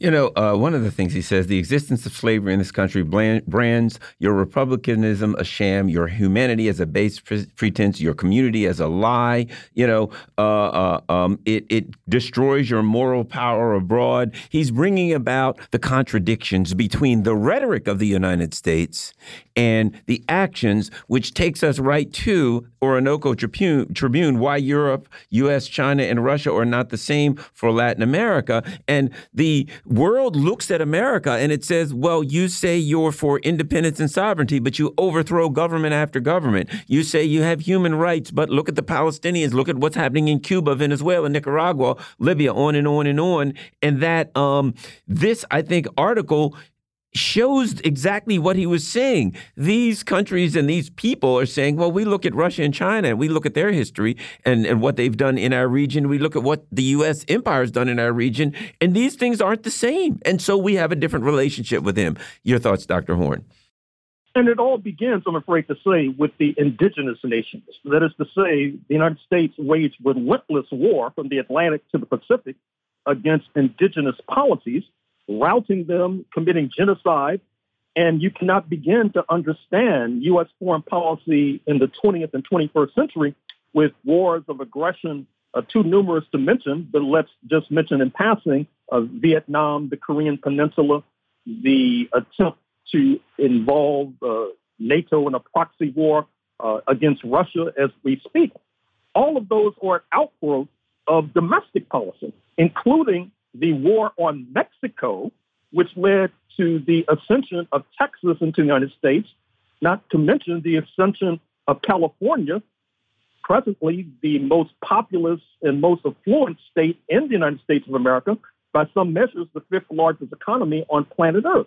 And in terms of our friends in Latin America, they are slowly beginning to realize that there is a connection between oppression and persecution on these shores and the execution of U.S. foreign policy.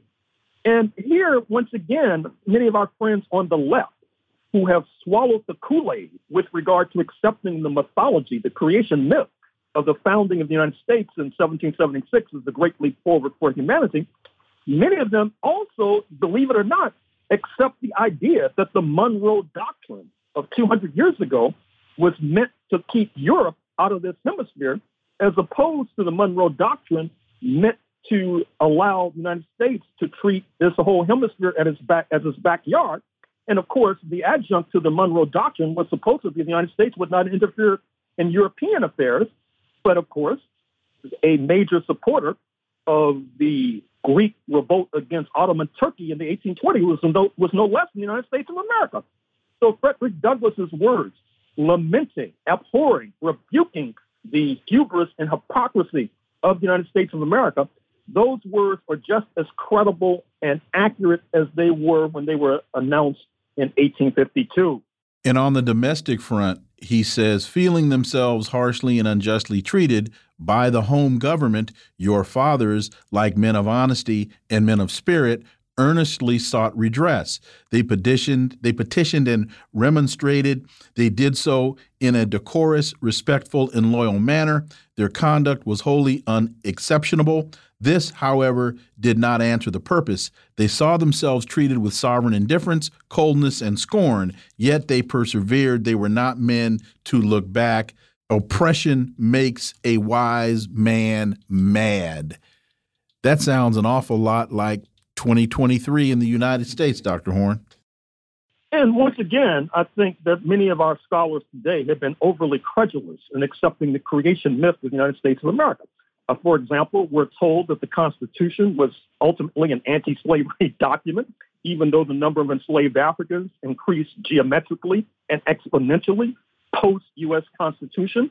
Uh, we are told that this is so, even though Washington, the federal government, had sole and exclusive jurisdiction over the 10 mile square area that constituted the national capital in Washington, D.C., and yet slavery flourished in Washington, D.C. before the U.S. Civil War. In fact, by some measures, Washington, D.C. was more of a slave market than New Orleans, even though Congress, and by the way, uh, numerous congresspersons, not to mention presidents and vice presidents and Supreme Court justices, held enslaved Africans in bondage, even though supposedly they were administering this alleged purported anti slavery republic. The hypocrisy is sickening. Biden calls Cuba terrorist while the people demand an end to U.S. terrorism against Cuba. Um, and uh, that's in uh, Orinoco Tribune. Interesting because the U.S. uses that term state sponsor of terrorism just for a punitive man, uh. Iran, Syria, whoever they don't like is a state, state sponsor of terrorism. Your thoughts? Well, U.S. imperialism has a memory like an elephant. It is yet to forgive and forget the fact that the Haitian Revolution, 1791 to 1804, ignited a general crisis in the entire slave system, including in the United States of America, that could only be resolved with its collapse, leading to the loss of fortunes in the billions in the bodies of enslaved Africans, nor has U.S. imperialism forgiven or forgotten the Cuban Revolution, which led, of course, as we know, to Cuba under the leadership of the late Fidel Castro Ruz, dispatching thousands of Cuban troops to Southwest and Southern Africa to liberate Angola in particular uh, from uh, Portuguese colonial rule, not to mention repelling an invasion from then apartheid South Africa, leading to the liberation of the entire subcontinent. Uh, Cuba has not been forgiven for that, which is one of the reasons why it's under tremendous sanctions. One of the reasons why the United States is still trying to strangle the Cuban Revolution. But I'm afraid to say that Uncle Sam is well past his sell by date, that that rather hypocritical and hubristic attempt to strangle the Cuban Revolution will prove unavailing. And we have just a minute and a half left. Why Europe, U.S., China, and Russia are not the same for Latin America, Dr. Horne. Well, that's obvious. Let's take Russia to begin with. Uh, we know that the father of the Russian language is Pushkin, a man of African descent. We know, even the New York Times acknowledged that in the 1890s, when independent sovereign Ethiopia, uh, so, uh, the sole truly sovereign uh, nation on the continent, was repelling an invasion from Italy, that it was pre 1917 Russia that armed Ethiopia to the teeth to prevent Ethiopia from being overthrown. Of course, that had a lot to do with the uh, Christian commonalities between Addis Ababa and Moscow. And as already enunciated, uh, the Soviet Union post 1917 uh, supplied enormous aid for liberation fighters uh, in Africa, which is one of the reasons why Africa is so lukewarm, to put it mildly, towards sanctions against Russia, because they know that a strong Russia is important to international peace and security and ultimately repelling the imperialist vampires and werewolves. Dr. Gerald Horne, as always, thank you so much for your time. Greatly appreciate that analysis, and we look forward to having you back. Thank you. Folks, you're listening to the Critical Hour on Radio Sputnik. I'm Wilmer Leon. I'm joined here by my co host, Garland Nixon. There's more on the other side. Stay tuned.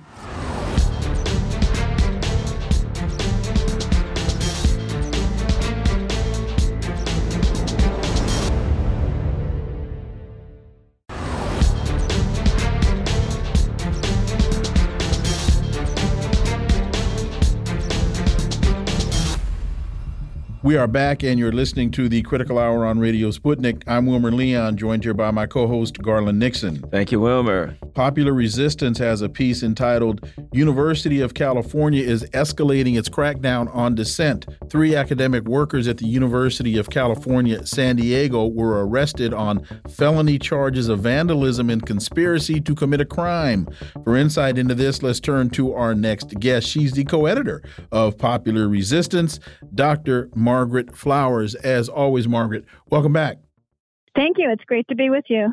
So they were using washable markers and chalk just before the 4th of July weekend. Postdoctoral scholar Jessica Neng graduate student William Schneider and another graduate student at the University of California, San Diego were arrested by campus police on charges of felony vandalism over $400 and conspiracy to commit a crime. They were arrested at their homes where their personal items were confiscated, including keys, phones, and at least one computer. They were taken to the San Diego County Jail, held overnight on $20,000 bail each. And what was their crime? Allegedly writing slogans like living wage now on a concrete campus building in washable markers and chalk during a peaceful protest almost a month earlier. Dr. Flowers, uh, they're here, they're coming for you, and it's not looking good. Yeah, no, pretty amazing, right? Can you imagine if there were a few children, you know, drawing with washable chalk, they wouldn't be arrested. But when you're, you know, when you're expressing political speech, which is supposed to be a protected right in the United States, now they're facing these these charges and you know going through the experience of being raided and arrested and and held in jail. What's really disappointing, I mean, we're seeing this in so many different areas, but the reason they were protesting is because after last year's amazing strike by tens of thousands of graduate students in the University of California system, they won a contract. Now the universities are refusing to respect that contract and they're retaliating against students who are pressuring them to live up to their word. Uh, it just goes, you know, it's just amazing that they would go to these lengths uh, to go after workers who are expressing and fighting for their rights. You know, when you read this article, a couple of things stand out. We picketed outside a black tie dinner at UC President Michael Drake's $6.5 million mansion. We kayaked out to UC mega donor Donald Bren's private island and what we are seeing to me is if you pay attention to what's happening in, in um, higher education, such as it is, these corporations now are donating so much money to colleges that they call the shots on what the curriculum is. They put in new buildings and they call the shots on what, what can happen here. So our colleges that used to be, uh, the, the conservatives used to get mad and say, oh, these colleges, they're full of a bunch of lefties, they're, they're blah, blah, blah, are now run by right wing and or simply neoliberal corporate groups and or billionaires that are pushing this kind of that's the neoliberal anti-worker anti uh, uh, working class environment your thoughts so absolutely. I mean, you see it at, at George Mason to talk about something that's close by, where the uh, Koch brothers fund their economics uh, center. And so, what kind of economics is it doing? They actually have say over uh, who can teach there and what the curriculum is. As you said, we see this in big ag taking over universities in the Midwest, fossil fuel corporations uh, funding universities. And this is all ties back to, you know, in the 1970s when the Powell memo came out after there was so much civil unrest and the right wing, you know, Chamber of Commerce folks were getting worried about, you know, oh my goodness, you know, the, the leftists might actually make some victories here. And they came up with this plan. And a part of it was to take over the universities. Now they're defunding them making a space for these corporations to come in and dominate them and have their say, and then exploiting the workers to make them more vulnerable so that they can, you know, make them afraid to teach uh, teach people to think freely or to to have alternative ideas because they're in such a tenuous position.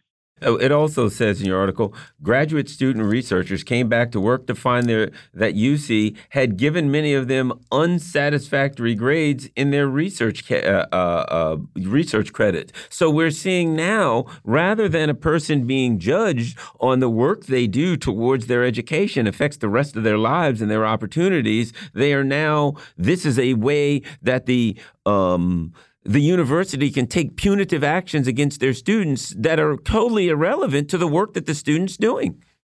It's another piece of making uh, people feel afraid to speak out, to speak the truth. It's you know, it's like the the attack on Julian Assange sends a message to reporters around the world: don't expose U.S. war crimes or the crimes of the wealthy. Universities are are teaching the students don't don't speak out, don't take any action that goes against us, or we have many tools that we can use to punish you for that. So it has a chilling effect. At least that's the intention. It doesn't seem to be happening in this instance because it sounds like they're more and more resolved to keep fighting. And it's also important for people to realize that this has been an ongoing process. Uh, Dick Cheney's wife, whose name I cannot recall at the moment, but she's been at the forefront of uh, Mrs. Cheney. I Mrs. Mrs. Cheney. Yeah, that's, that's it. it. she's she's been at the forefront uh, for a number of years, going throughout universities, doing everything in her power to have uh, professors that she believes to be too liberal uh, removed from their from their teaching positions. Mm. And and also I can say this this actually uh, recently happened to me. Uh, I was offered a position to be the chair of a, a, political science department at Hampton University, my alma mater. One of the members of the board uh, saw me on a program talking about Ukraine, and they pulled my offer. So this is this is alive and well and living in America. Absolutely. You know, it's so much similar to what we saw during the McCarthy area with the blacklists. And, you know, uh, it's a scary development. It's something that we should all be showing solidarity with the people who are impacted by it and uh, exposing it as you're doing through this program. We've got to be speaking out about this and fighting back. The Racism and Health uh, Toolkit. Uh, Popular Resistance uh, has a has a piece, the Racism and Health Toolkit. You have there at Popular Resistance materials that can be used to give presentations on racism and health and why we need a national improved Medicare for all healthcare system. Talk about that, Dr. Margaret Flowers. Yeah, this is, you know, uh, an important tool that's available for anyone to use. It was developed uh, during the George Floyd uprising in the in the 2020s to make people aware of how systemic racism operates in our country, and particularly, you know, being also the, the COVID 19 pandemic in 2020, you know, the onset of that, and the huge disparities that we were seeing in terms of uh, Black populations having access to healthcare, to vaccines, uh, being, you know, many people being forced to work in unsafe conditions. Uh, so we thought this was an opportune time to to raise awareness of this. And it's what's you know some things that stand out. I mean, our healthcare system has been racist from the beginning. It continues to be. It's part of the medical culture. It's it's ingrained into the protocols that are used. So if that if someone is uh, African American, the the protocol would would actually you know rate them in a way that makes their health care not as optimal as somebody who's uh, not black. Um, but also, you know, if we had equal care in this country uh, for everyone, equal access to care and the economic supports that people need to lead a healthy life, uh, we would save 100,000 black lives a year. That to me is just an astounding fact. You know, one of the things I think is important is important that you say here. Since 2010, 120 rural hospitals have closed. In common political rhetoric in the U.S. When they talk about inner city, they're talking about black people, right? As though all black people live in the inner city. If you go all throughout the South, the rural areas, I'll travel to Virginia, go to, you know all throughout the South, and you find that a lot of these these rural areas, there's huge numbers of black people living in the rural areas, and as these hospitals close down and things of that nature, people, the black people in these um, rural areas are often hit the hardest. Um, your thoughts? Oh, absolutely. And if you look at where the rural hospitals are closing, it is in communities that have higher proportions of, of black uh, black population. And so, uh, what we're running into, and this is, you know, when you think about how things used to be when there was uh, segregation, when hospitals were segregated and black people would come to a hospital and they would be turned away. Well, now we basically have the same impact, but, but it's been achieved by shutting down the hospital. So now people have to travel very long distances to get care. And the, the studies are showing that this is having an impact on people's ability to recover or even to survive, you know, the, the medical emergencies that they face. So it's, it's, it's another form and it's another way that systemic racism operates. If we had a national improved Medicare for all, hospitals would be given a budget to operate. They wouldn't have to. Uh, they wouldn't go bankrupt. They wouldn't shut down, and uh, we w- this would be one step towards solving this problem. I hope this this question is is not too uh, complex, Margaret. Is there a correlation between the government's inability to fund Medicare for all and the money that we're sending to Ukraine? Mm. well, I think you know, as as others have said, you know, our our budgets are moral documents. They show what the priorities of the state are. The function of a government is to provide the infrastructure for people and to empower people. And what we see instead is that our government operates uh, to build infrastructure for the wealthy and to empower them at the at the cost of human lives and and you know being able to have our basic necessities met. So yes, we could absolutely be funding a, a top quality healthcare system that would cover, you know, comprehensive care for every person in this country would actually save money if we did that. Uh, but but Congress is very well funded by the medical industrial complex. The London newspaper Financial Times ran with the following headline last week The discreet U.S. campaign to defend Brazil's election. The idea that the U.S. is in South America defending someone's election runs counter to the history of U.S. imperialism in uh, Latin America and the rest of the world. We got one minute, Margaret. Oh yeah, absolutely. Very quickly, I think that you know the United States recognized that Bolsonaro was going to lose. They were trying to put on some show, sort of show to win favor with the incoming president uh, Lula, and he's not falling for it. You know, he sees right through it. The United States is not a bastion of promoting democracy around the world. Dr. Margaret Flowers, as always, thank you so much for your time. We greatly appreciate that analysis, and we look forward to having you back. Thank you. Folks, you're listening to the Critical Hour on Radio Sputnik. I'm Wilmer Leon, joined here by my co host, Garland Nixon. There's more on the other side. Stay tuned.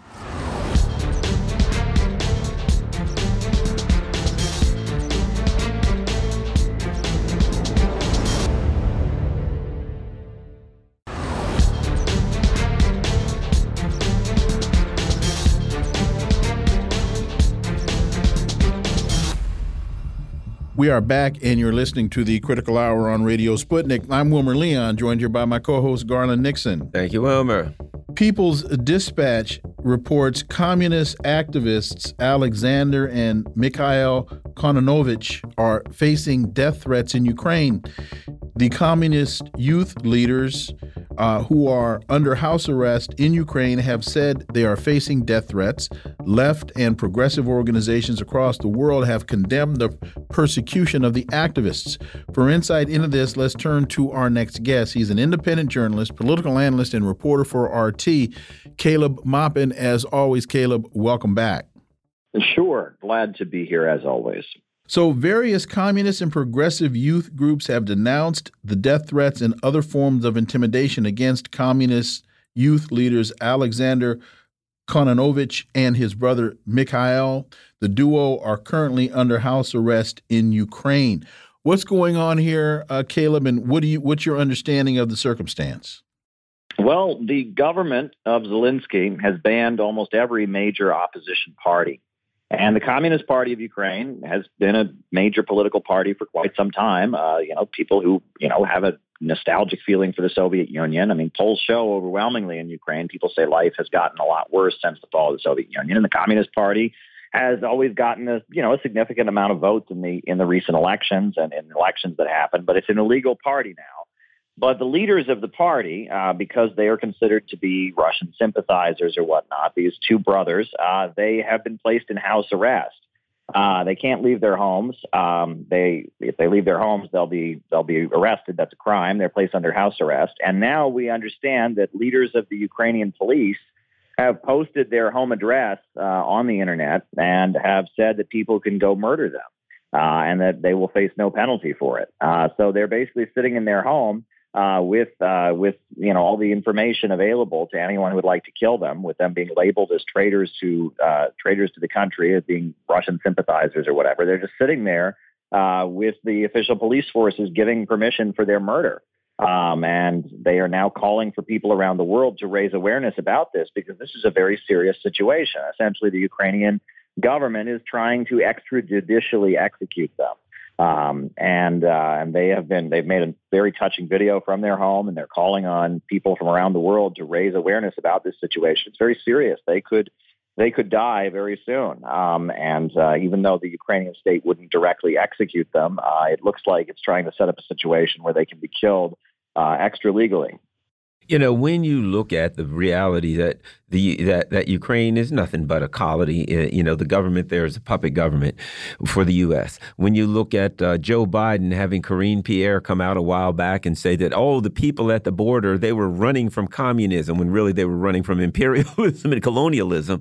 When you look at the history of the U.S., even though we have a a uh, constitution that says you know you can be any ideology you want as long as it's peaceful. The history of the U.S. and the FBI going after socialists and communists, you have to have the feeling that they do the Biden administration and you know certainly the Trump administration, all of these people, if they could do that, this is representing what they want to do here. Your thoughts, Caleb?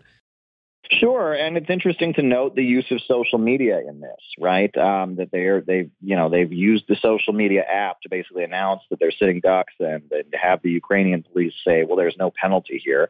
Um, and that's kind of a very extreme version of, of how they've used social media to push their agenda. I mean, it's been revealed by Matt Taibbi with the Twitter files and other things, how that they have intentionally manipulated social media. They arrange what, you know, and decide what goes viral, what doesn't.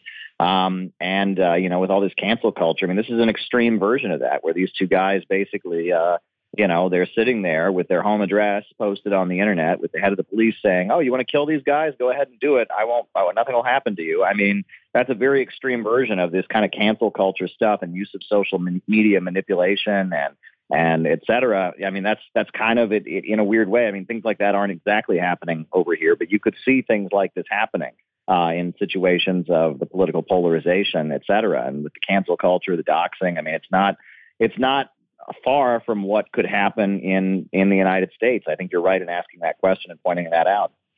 And this is a story from last year, but it is relevant to where what we're talking about right now.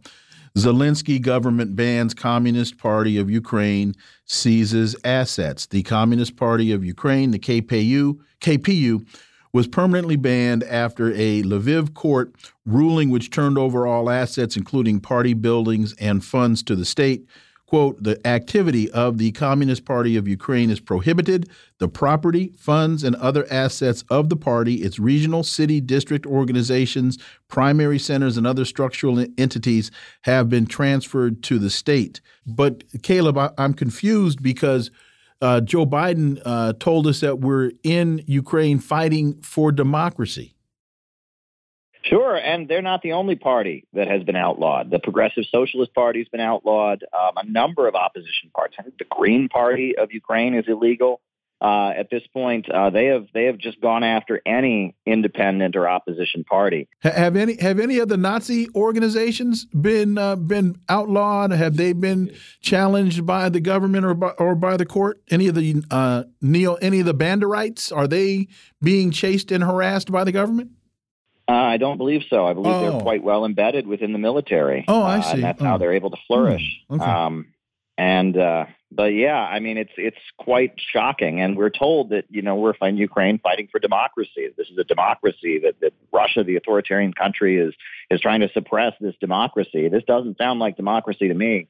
Uh, you look at you look at the situation there, uh, where they've banned opposition parties, where they've got you know fascist Nazi elements within the military that are well embedded. Uh, you know, where leaders of opposition parties are basically you know being being threatened with death uh, in this kind of situation. And this really doesn't fit the standard narrative we get from CNN and MSNBC about the war in Ukraine. And if you look into it, uh, there's another article about from 2022 when it happened, and they they banned uh, um, the Communist Party of Ukraine. They banned their activity. They confiscated their property, their funds, their assets, etc. And they also banned the opposition platform for life, the Le uh, party, Left Opposition, Union of Left Forces, Socialist Party of Ukraine, etc. But no far right or neo Nazi organizations have been placed. So you can, and you couldn't, under their decommunization laws, they banned uh, uh, communist symbols, party activities, etc. So you couldn't have a hammer, a hammer and a sickle on a flag, on your shirt, or whatever. However, you could have swastikas. You could have all of the Nazi iconography. They made all of the Nazi. They made these um, Nazi supporters and sympathizers as uh, state um, uh, government heroes with days and streets and towns named after them, but no hammers and sickles. I find that interesting, Caleb. Well, and in Ukraine, that's a particularly big deal because that is their history that's illegal. I mean, it's like it fits in with tearing down the World War II memorials. I mean, here in the United States, if you ban communism, you'd just be banning an ideology. But over there, I mean, that, that would be like you know banning Abraham Lincoln or you know banning George Washington or banning you know Dr. Martin Luther King Jr. or something. It would be like banning an important important part of your country's history. Maybe it's controversial. Maybe people uh, have disagreements about it. But this is this is Ukraine, where you know many many battles were fought in the Second World War, where you know the Russian Revolution. You know this was contended territory where there were different factions battling against each other, and and you're you're outlawing the entire history of the country, and you're doing it to you know, to fit a narrative that says that somehow Ukraine has always been, you know, has always been this completely separate country from Russia that has nothing to do with Russia. You know, this narrative that that that you know, you know, during the Soviet years, Ukraine was nothing but a colony, when in reality, it was during the Soviet years that Ukraine got industrialized, and had the biggest power plant in the world, the Dnieper Dam constructed there, and that that it's you know it's during those years that Ukraine really flourished. Uh, I mean, this is this is a really totalitarian attempt to erase the past. And is, when you get an understanding of what they're charged with, they're accused of actions aimed at forcibly changing the political system or seizing state power. The brothers belong to an organized group consisting only of themselves. Intelligence services claim that the Kononovich brothers plan to seize one of the country's district administrations, although they have not identified which one or when the capture was to happen. And it says that they've cited statements on their social media platforms as evidence and says they pose a risk to the state if they are released. These are some dangerous, dangerous guys, man. I mean, I think that if you look at those statements, that's just a cover for the fact that they're just known to be critics of the government that was installed by the United States in 2014. Uh, and that they're outspoken critics, uh, that they attend international communist gatherings and conferences, and that they're known to be official leaders of the Ukrainian Communist Party and its youth organization. And uh, because of that, uh, the Ukrainian government uh, considers them to be threats uh, to the state, considers them to be, you know, not not good, loyal uh, Ukrainian nationalists, and has decided to subject them to this pretty horrendous treatment.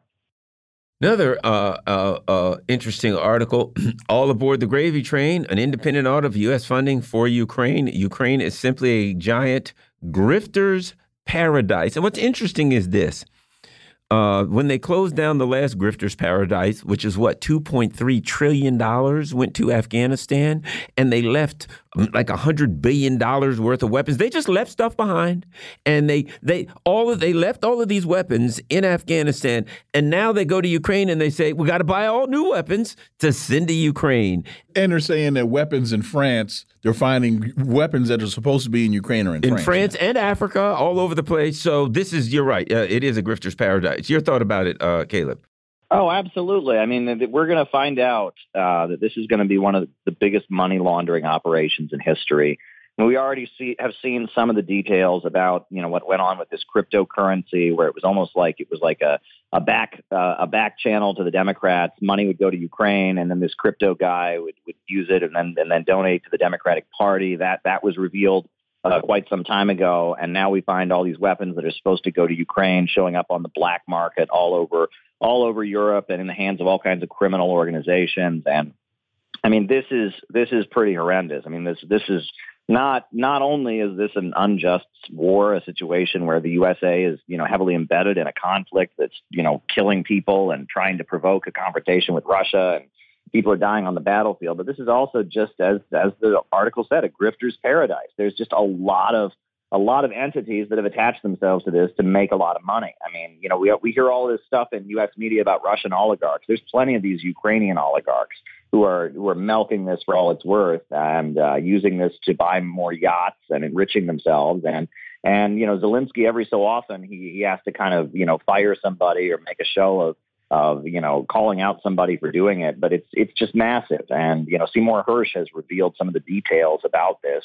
Uh, you know, I mean, it is just massive the amount of grift and threat you know going on, uh, uh, grift and and theft that is taking place. Uh, it is massive, and uh, you know this this is this is really sad, and it shows that there are there are certain forces at the top of Ukrainian society that are very cynical about all of this. I mean, there there are people are dying. There's a war going on, and they're saying, "How can I how can I loot and make some money off of this?"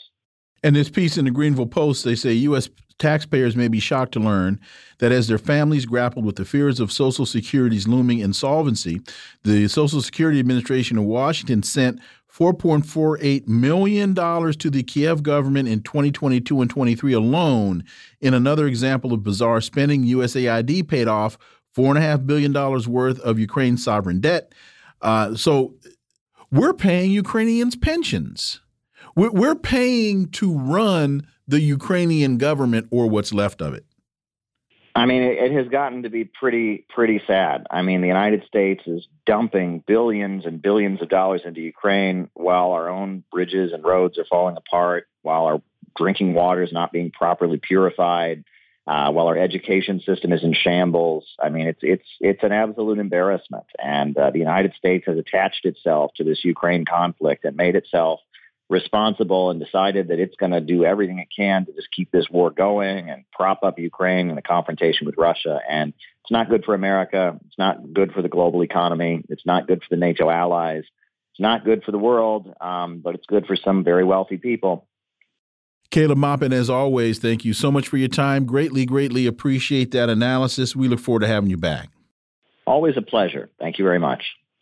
Folks, you've been listening to the Critical Hour here on Radio Sputnik. Thank you for allowing our voices into your space. On behalf of myself and my co host, Garland Nixon, we hope you were informed and enlightened, and we look forward to talking with you all right here tomorrow on Radio Sputnik. Be safe. Peace and blessings. We're out.